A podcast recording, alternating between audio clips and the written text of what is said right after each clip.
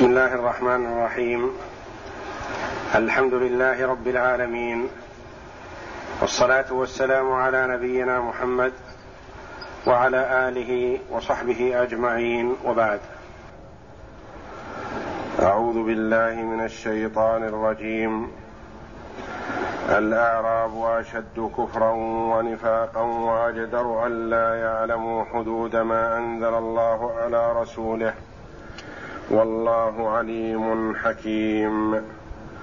ومن الأعراب من يتخذ ما ينفق مغرما ويتربص بكم الدوائر عليهم دائرة السوء عليهم دائرة السوء والله سميع عليم. ومن الأعراب من يؤمن بالله واليوم الآخر ويتخذ ما ينفق قربات عند الله وصلوات الرسول ألا إنها قربة لهم. سيدخلهم الله في رحمته. إن الله غفور رحيم. تقدم في الآيات قبل هذه بيان لأحوال المنافقين ممن هم في المدينة. وفي هذه الآيات يبين جل وعلا نفاق من كان حول المدينة من أهل البادية. يقول جل وعلا الأعراب أشد كفرا ونفاقا والأعراب جمع مفرده أعرابي. وهو ساكن البادية. وأما العرب فمفرده عربي وهو من تكلم بالعربية سكن المدن والقرى أو سكن البادية. فالعرب الأعرابي هو ساكن البادية. يقول جل وعلا الأعراب أشد كفرا ونفاقا. الأعراب سكان البوادي أشد كفرا وأشد نفاقا من سكان المدن والقرى. ولم؟ لأنهم أبعد عن العلم. وأبعد عن اللقاء بالعلماء والأخذ عنهم ولأن في طباعهم قسوة وفي أخلاقهم نفرة فهم لا يستجيبون إذا دعوا ولا يحضرون مجالس النبي صلى الله عليه وسلم فيأخذون عنه عليه الصلاة والسلام ويأخذون عن صحابته الكرام بل هم منصرفون في باديتهم فيما يهمهم من شؤون دنياهم. فلذا قال جل وعلا الأعراب أشد كفرا ونفاقا. أشد بمعنى أكثر في الكفر والنفاق من سكان المدن والقرى. وأجدر بمعنى أحرى. ألا يعلموا حدود ما أنزل الله على رسوله. أحرى وأقرب ألا يتعلموا الفرائض التي أنزلها الله على رسوله. فتجد الكثير منهم معرض.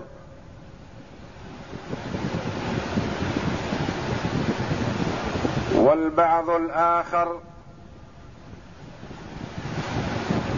يأخذ بعض الشيء لكنه لا يستقصي ولا يهتم بشأن عبادته.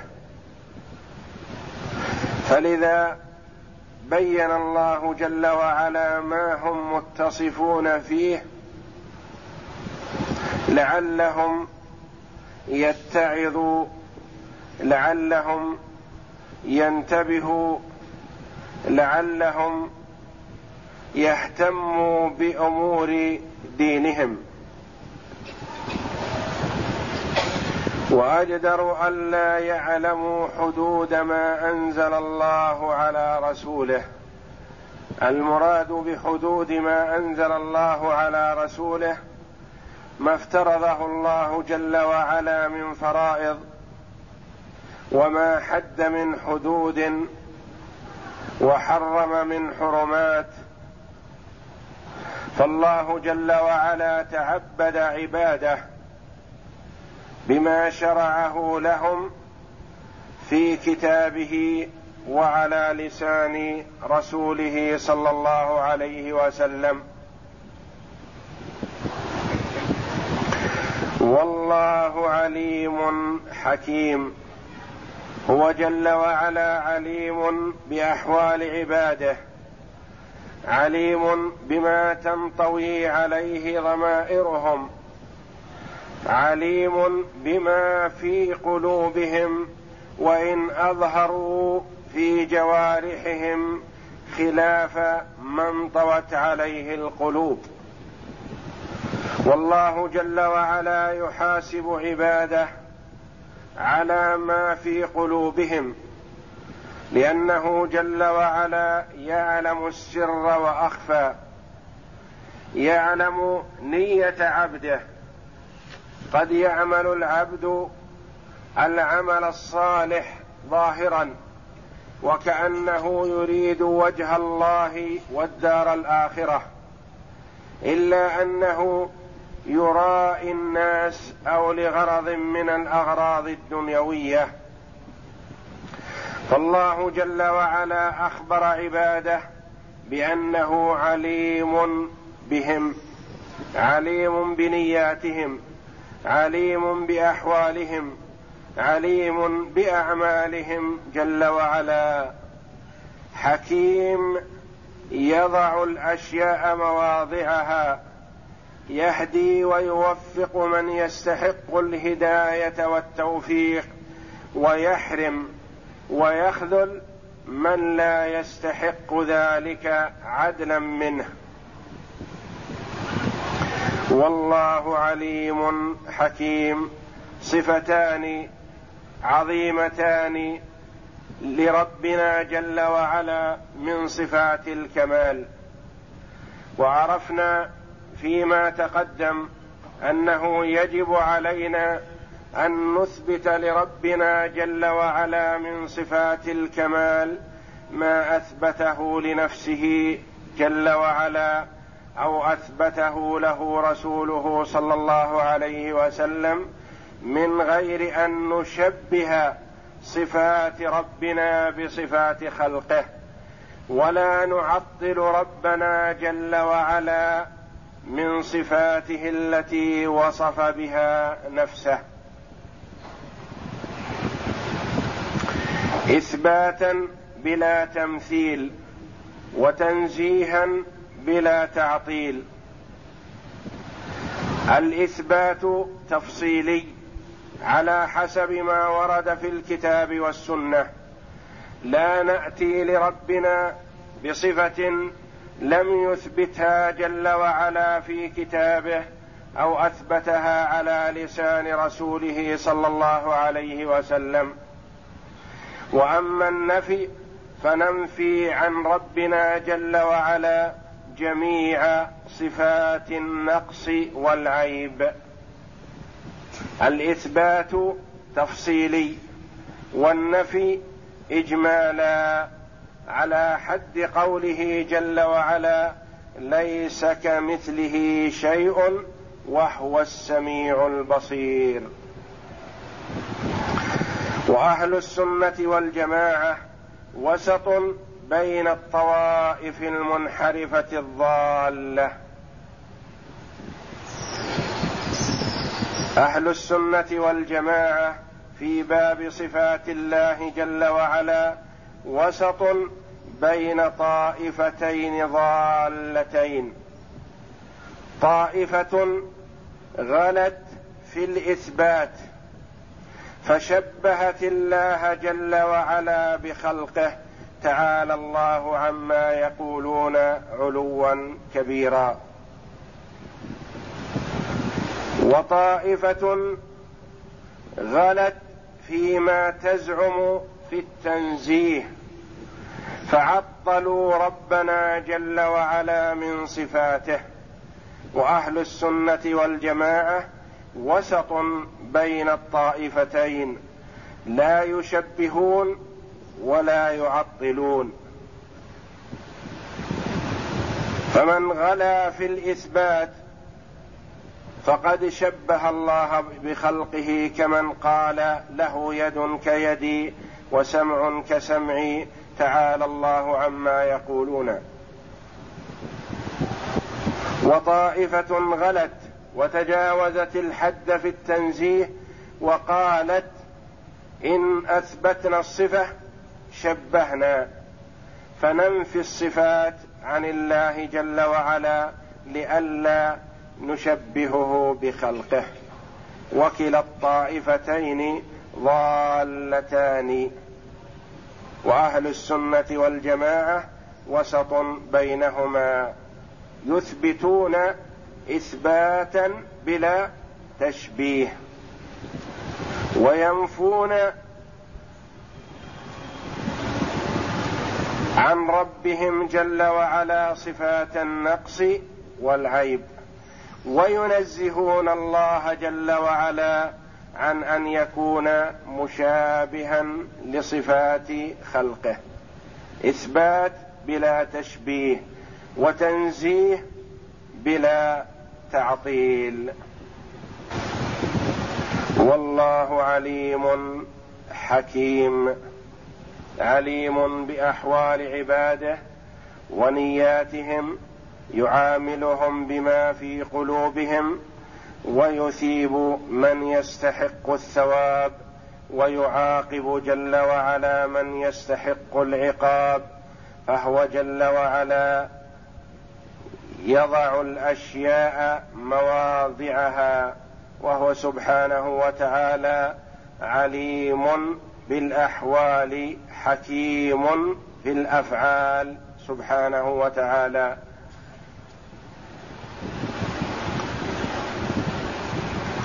ومن الأعراب من يتخذ ما ينفق مغرما ويتربص بكم الدوائر. بعض الأعراب يتخذ ما ينفق مغرما ما ينفق من زكاة أو ينفق من نفقة في الجهاد في سبيل الله لا يحتسب ثواب ذلك عند الله وإنما يعتبر هذه خسارة. يعتبر كانه وضعها في غير موضعها وإنما أعطاها لحقن دمه أو رياء وسمعة أو من أجل الحفاظ على ماله ولم يدفع ما يدفع تقربا إلى الله جل وعلا وطلبا لثوابه. ومن الأعراب من يتخذ ما ينفق مغرما. كأن نفقته التي ينفقها من زكاة أو في سبيل الله هي كأنها في نظره خسارة ولا قيمة لها لأنه لا إيمان عنده ولا يعتقد صحة ما جاء به الرسول صلى الله عليه وسلم ولا يؤمن باليوم الآخر.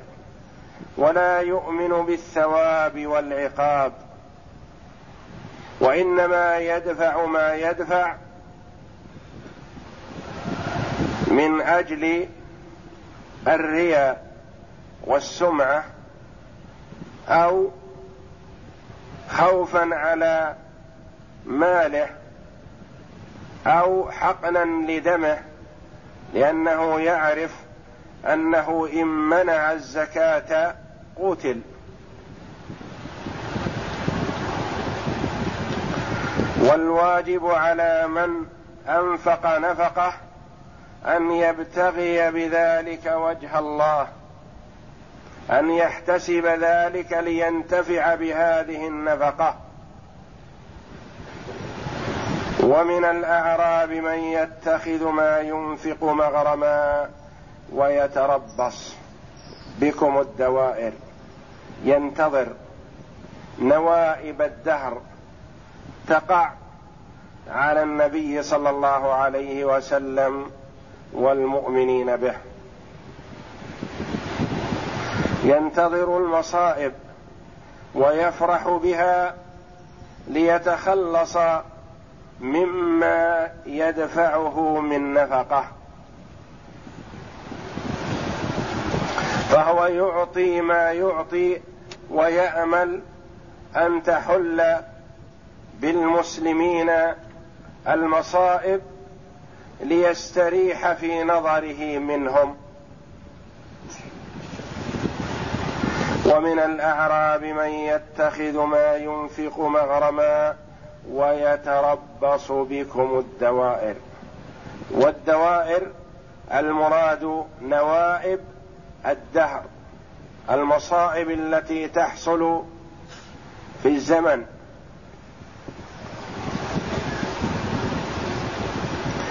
يقول الله جل وعلا عليهم دائرة السوء. الله جل وعلا يدافع عن الذين آمنوا ويجعل المصائب تحل بغير المؤمنين به. عليهم ما تمنوه يحصل للمؤمنين يعود عليهم. والله جل وعلا ينجي المؤمنين من ذلك. عليهم دائرة السوء. الدوائر والمصائب ترجع إليهم بإذن الله عليهم دائرة السوء. والمراد بالسوء المصائب والشر تعود عليهم. وفيها قراءتان بالفتح عليهم دائرة السوء بفتح السين وبضمها عليهم دائرة السوء. وكلاهما سبعيتان وقراءة الجمهور بالفتح. عليهم دائرة السوء والله سميع عليم سميع لأقوال عباده. لا تخفى عليه خافية من حركاتهم وسكناتهم وما يتكلمون به وما يسرونه. عليم بأحوالهم جل وعلا. وهاتان صفتان عظيمتان لله جل وعلا. يجب الإيمان بجميع صفات الله سبحانه وتعالى التي وصف بها نفسه أو وصفه بها رسوله صلى الله عليه وسلم. من غير تشبيه ولا تمثيل ولا تكييف ولا تعطيل. ومن الأعراب من يؤمن بالله ومن الأعراب من يؤمن بالله واليوم الآخر ويتخذ ما ينفق قربات عند الله وصلوات الرسول. ألا إنها قربة لهم سيدخلهم الله في رحمته إن الله غفور رحيم. من الأعراب من هو متصف بصفة الإيمان بالله واليوم الآخر. ليست الصفة السابقة للأعراب كلهم بل هم نوعان. كسكان المدن والقرى منهم المؤمن ومنهم المنافق إلا أن أهل البوادي منافقهم وكافرهم أشد وأغلظ من غيرهم. ومن الأعراب من يؤمن بالله واليوم الآخر يؤمن بالله جل وعلا فيعبده وحده ويصفه بصفات الكمال ويبرئه من صفات النقص وينفي عنه كل صفة عيب. ويضيف أفعاله إليه ويؤمن بها. يؤمن بالله جل وعلا فيوحده بأفعاله.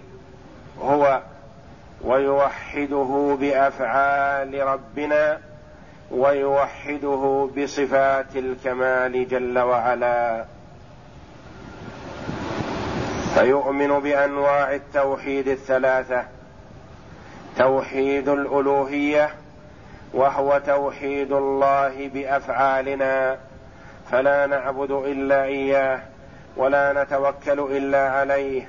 ولا نرجو إلا هو ولا نخاف إلا منه ولا نذبح إلا له ولا نعبد إلا إياه ولا نتقرب إلا له سبحانه وتعالى.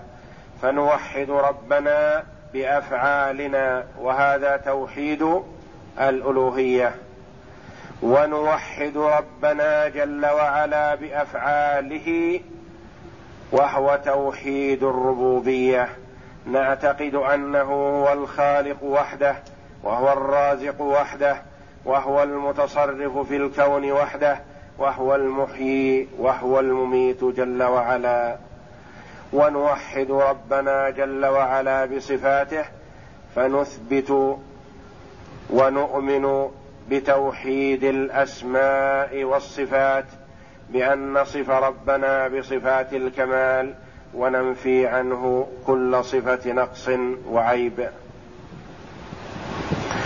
ولا نلحد في أسماء ربنا وصفاته ولا ننفيها ولا نشبهها بصفات خلقه. ومن الأعراب من يؤمن بالله واليوم الآخر. يؤمن باليوم الآخر. يعتقد أنه راجع إلى ربه جل وعلا. وأنه مبعوث بعد الموت ومحاسب ومسؤول عن عمله فهو يعمل عمل من يعتقد أنه ملاق ربه. والعبد إذا اعتقد لقاء الله جل وعلا وأنه واقف بين يديه أحسن العمل وأتقنه.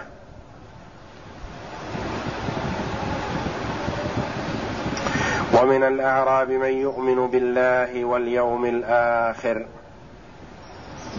ويتخذ ما ينفق قربات عند الله. ينفق النفقة. يتقرب بذلك إلى الله جل وعلا. يطلب ثوابه. ويعتقد أن الله جل وعلا يتقبلها ويربيها له وينميها له ويثيبها يثيبه عليها في الدنيا وفي الآخرة. وانظر وفقك الله. الفرق بين الطائفتين بين النوعين. كلاهما ينفق كلاهما يخرج من ماله. كلاهما يعطي المال وشتان ما بينهما. البذل موجود من الطرفين لكن الأول من غير إيمان فلا ينفع. والثاني مؤمن بالله واليوم الآخر تنفعه نفقته. الأول يعتقدها خسارة ومغرم ونقيصة عليه لأنه خلو من الإيمان بالله واليوم الآخر. والثاني مؤمن بالله واليوم الآخر فهو يعتقد أنه يتاجر مع ربه. يعتقد أن الله جل وعلا يعطيه بالريال سبعمائة ريال وأكثر. يتقبل ربنا جل وعلا صدقة عبده بيمينه وكلتا يدي ربي يمين مباركة. وينميها لعبده كما ينمي المرء فلوه يعني فرسه. خيلة. فيقدم عليها العبد يوم القيامة فيجد التمره أو الريال أو النفقة أي نفقة من كسب حلال يجدها كالجبل العظيم. توضع في ميزانه يوم القيامة. مثل الذين ينفقون أموالهم في سبيل الله كمثل حبة أنبتت سبع سنابل في كل سنبلة مائه حبة. والله يضاعف لمن يشاء أكثر من ذلك. ومن الأعراب من يؤمن بالله واليوم الآخر ويتخذ ما ينفق قربات عند الله. ينفق النفقة لا رياء ولا سمعة ولا للمدح والثناء ولا لغرض من أغراض الدنيا ولا لحفظ ماله ولا لحفظ ولده وإنما ينفق طلبا لثواب الله. والتماسا لدعوات الرسول صلى الله عليه وسلم. لأن المرء المسلم إذا جاء بالصدقة للنبي صلى الله عليه وسلم أو النفقة من أجل أن ينفقها في سبيل الله أو يعطيها لمستحقها عليه الصلاة والسلام فهو عليه الصلاة والسلام لا يأخذ الصدقات ولا يأخذ النفقات لنفسه. وإنما يأخذها ليصرفها في مصارفها. دعا صلى الله عليه وسلم لمن جاء بالصدقة. كما قال عليه الصلاة والسلام اللهم صل على آل أبي أوفى. امتثالا لقوله جل وعلا وصل عليهم إن صلاتك سكن لهم.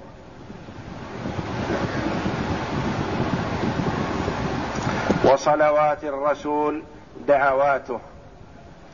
وصل عليهم اي يدعو لهم. ولهذا يستحب لمن أخذ صدقة سواء أخذها لنفسه أو أخذها ليعطيها لمستحقيها أن يدعو لمن بذل الصدقة. يدعو له بالخلف فيما أنفق وأن يبارك الله له فيما أبقى. ويتخذ ما ينفق قربات عند الله. قربات جمع قربة يعني أنها تقربه إلى الله. تقربه من رضا ربه ورحمته وجنته. قربات عند الله وصلوات الرسول. قربات عند الله وقربات وسبب لصلوات الرسول ودعواته. فهو يعطي الصدقة من أجل أن يدعو له الرسول صلى الله عليه وسلم.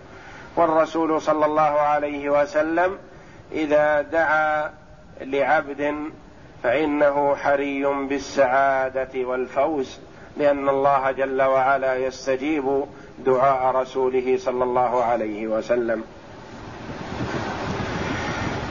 وصلوات الرسول ألا إنها قربة لهم. تأكيد يعني ما يفعلونه ويتقربون به إلى الله وإلى دعوات الرسول صلى الله عليه وسلم هي قربة لهم حقيقة. وأكد ذلك جل وعلا بمؤكدين أداة التنبيه بقوله ألا وأداة التحقيق بقوله إن ألا إنها أي النفس سيدخلهم جل وعلا في رحمته فيرحمهم مع عباده الصالحين. سيدخلهم الله في رحمته إن الله غفور رحيم. فهو جل وعلا غفور لسيئات عباده إذا تابوا إليه. رحيم بعباده فلا يعذبهم إذا تابوا وأنابوا ورجعوا إليه. فلا يحلك على الله إلا هالك. فالله جل وعلا يبسط يده بالليل ليتوب مسيء النهار ويبسط يده بالنهار ليتوب مسيء الليل. ويفرح جل وعلا بتوبة عبده ما لم يغرغر. ودعا عباده للتوبة ورجاهم في أن يشملهم برحمته وعفوه وغفرانه وأن لا يستعظموا ذنوبهم مهما عظمت وإنما عليهم أن يرجعوا إلى الله. يقول الله جل وعلا قل يا عبادي الذين أسرفوا على أنفسهم لا تقنطوا من رحمة الله. إن الله يغفر الذنوب جميعا. إنه هو الغفور الرحيم. وأنيبوا إلى ربكم وأسلموا له. من قبل أن يأتيكم العذاب ثم لا تنصرون. واتبعوا أحسن ما أنزل إليكم من ربكم. من قبل أن يأتيكم العذاب بغتة. وأنتم لا تشعرون. فهو جل وعلا يرغب عباده بالتوبة ويحثهم عليها ويقبلها منهم جل وعلا. فحري بنا أن نسارع في التوبة إلى الله جل وعلا والتوبة الصادقة ليست باللسان فقط وإنما تتحقق بالإقلاع عن المعصية. الابتعاد عن المعصية والندم على ما فرط من العبد والعزم على الا يعود إلى المعصية مرة ثانية. هذا إذا كانت المعصية تتعلق بحق الله جل وعلا وليس فيها حق لآدمي. وأما إذا كان فيها حق لآدمي فلا بد مع هذه الثلاثة رد الحق إلى صاحبه. إن كان مالا فترده إليه. سواء أخبرته كيف آل إليك أو لم تخبره أو تعمل على إيصال الحق إليه وإن لم يكن من طريقك. المهم أن يعود ماله إليه. وإن كنت سببته أو تكلمت في عرضه فتستحله إن توقعت أنه يحللك. وإن خشيت ألا يحللك وتوجد الضغينة في قلبه بعدما تخبره فلا تخبره وإنما ادع له وأحسن إليه. واذكر محاسنه كما ذكرت مساويه. أكثر من الدعاء له مقابل ما ظلمته أو تكلمت في عرضه. حتى ترى أنك قد أديت ما عليك نحوه. وإن كان قد مات وعندك مال له فأعده إلى ورثته. أعده إلى ورثته. فإن لم تعرفه ولم تعرف له وارثا ولا تدري أحي هو أم ميت وانقطعت عنك أخباره وأيست من وجوده فتصدق به نيابة عنه. فإن رأيته بعد ذلك فأخبره بما فعلت فإن أجاز تصرفك وإلا فأعد المال إليه. فحري بنا أيها الإخوة أن نبادر بالتوبة النصوح التوبة الصادقة إلى الله جل وعلا وهو جل وعلا يفرح بتوبة عبده إذا صدق العبد في توبته. والله أعلم وصلى الله وسلم وبارك على عبده ورسول نبينا محمد وعلى آله وصحبه أجمعين. بسم الله. أعوذ بالله من الشيطان الرجيم. الأعراب أشد كفرا ونفاقا وأجدر الا يعلموا حدود ما أنزل الله على رسوله. والله عليم حكيم. ومن الأعراب من يتخذ ما ينفق مغرما ويتربص بكم الدوائر. عليهم دائرة السوء. والله سميع عليم. ومن الأعراب من يؤمن بالله واليوم الآخر ويتخذ ما ينفق قربات عند الله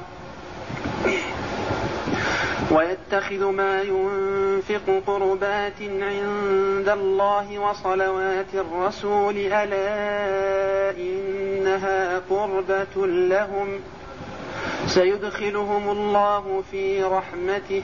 إن الله غفور رحيم. قال ابن كثير رحمه الله تعالى أخبر تعالى أن في الأعراب كفارا ومنافقين ومؤمنين وأن كفرهم ونفاقهم أعظم من غيرهم وأشد وأجدر أي أحرى ألا يعلموا حدود ما أنزل الله على رسوله. كما قال الأعمش عن إبراهيم قال جلس أعرابي إلى زيد بن صوحان وهو يحدث أصحابه وكانت يده قد أصيبت يوم نهاوند فقال الأعرابي والله إن حديثك يعني أصيبت يده في سبيل الله في قتال الكفار. نعم. فقال الأعرابي والله إن إن حديثك ليعجبني وإن يدك لتريبني. فقال زيد ما يريبك من يدي إنها الشمال؟ فقال الأعرابي والله ما أدري اليمين يقطعون أو الشمال.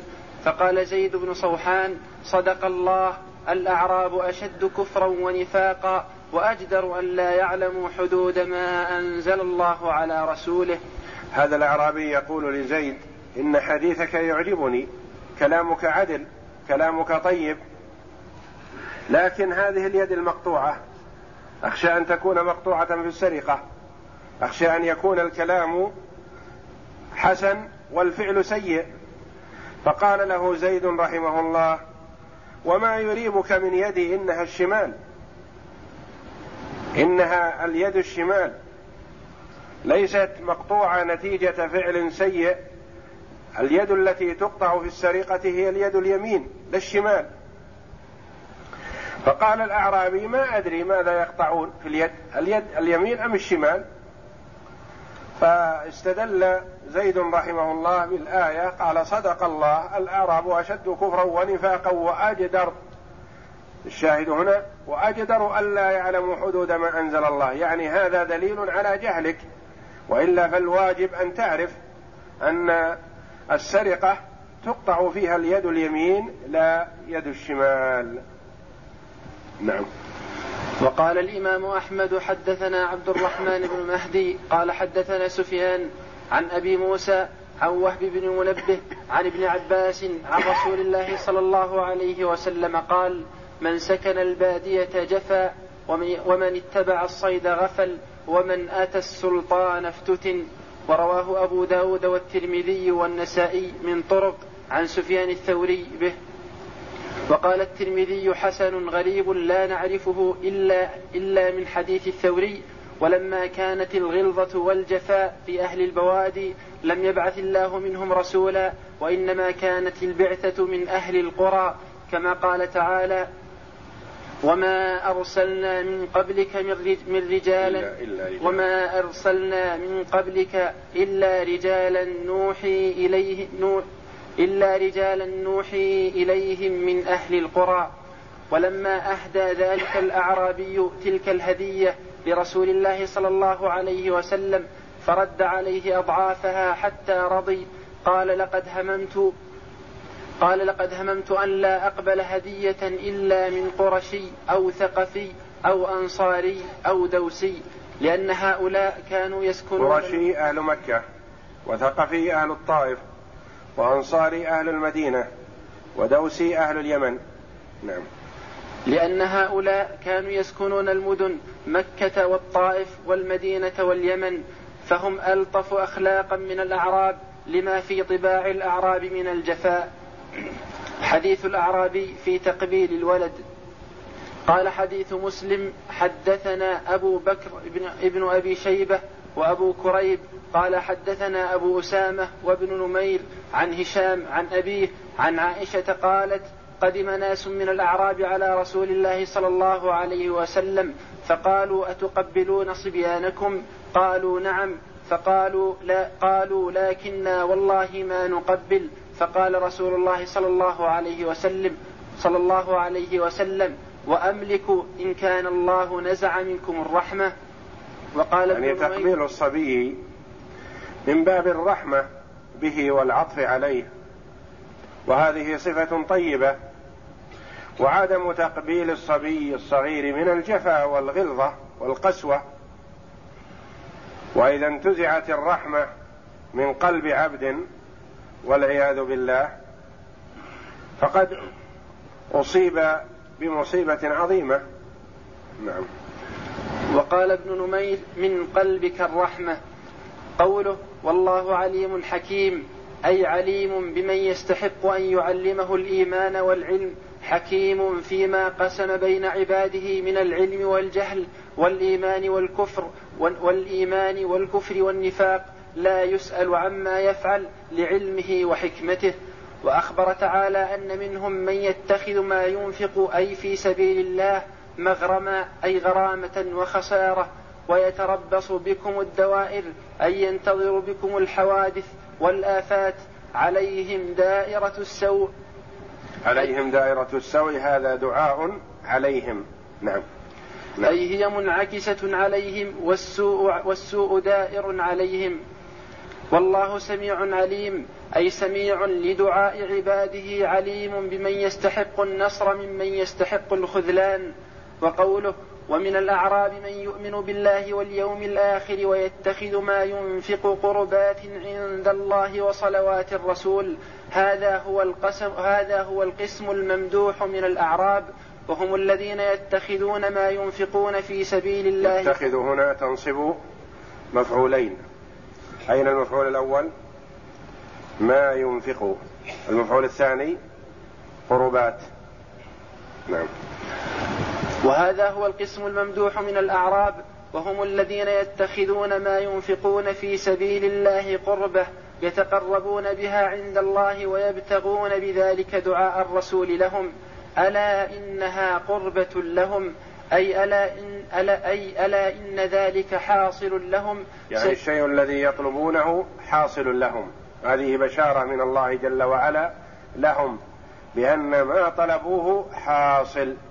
هم يطلبون القربة من الله جل وعلا والدعوات من الرسول عليه الصلاة والسلام فيقول الله جل وعلا ألا إنها قربة لهم. يعني ستقربهم أفعالهم هذه من الله جل وعلا.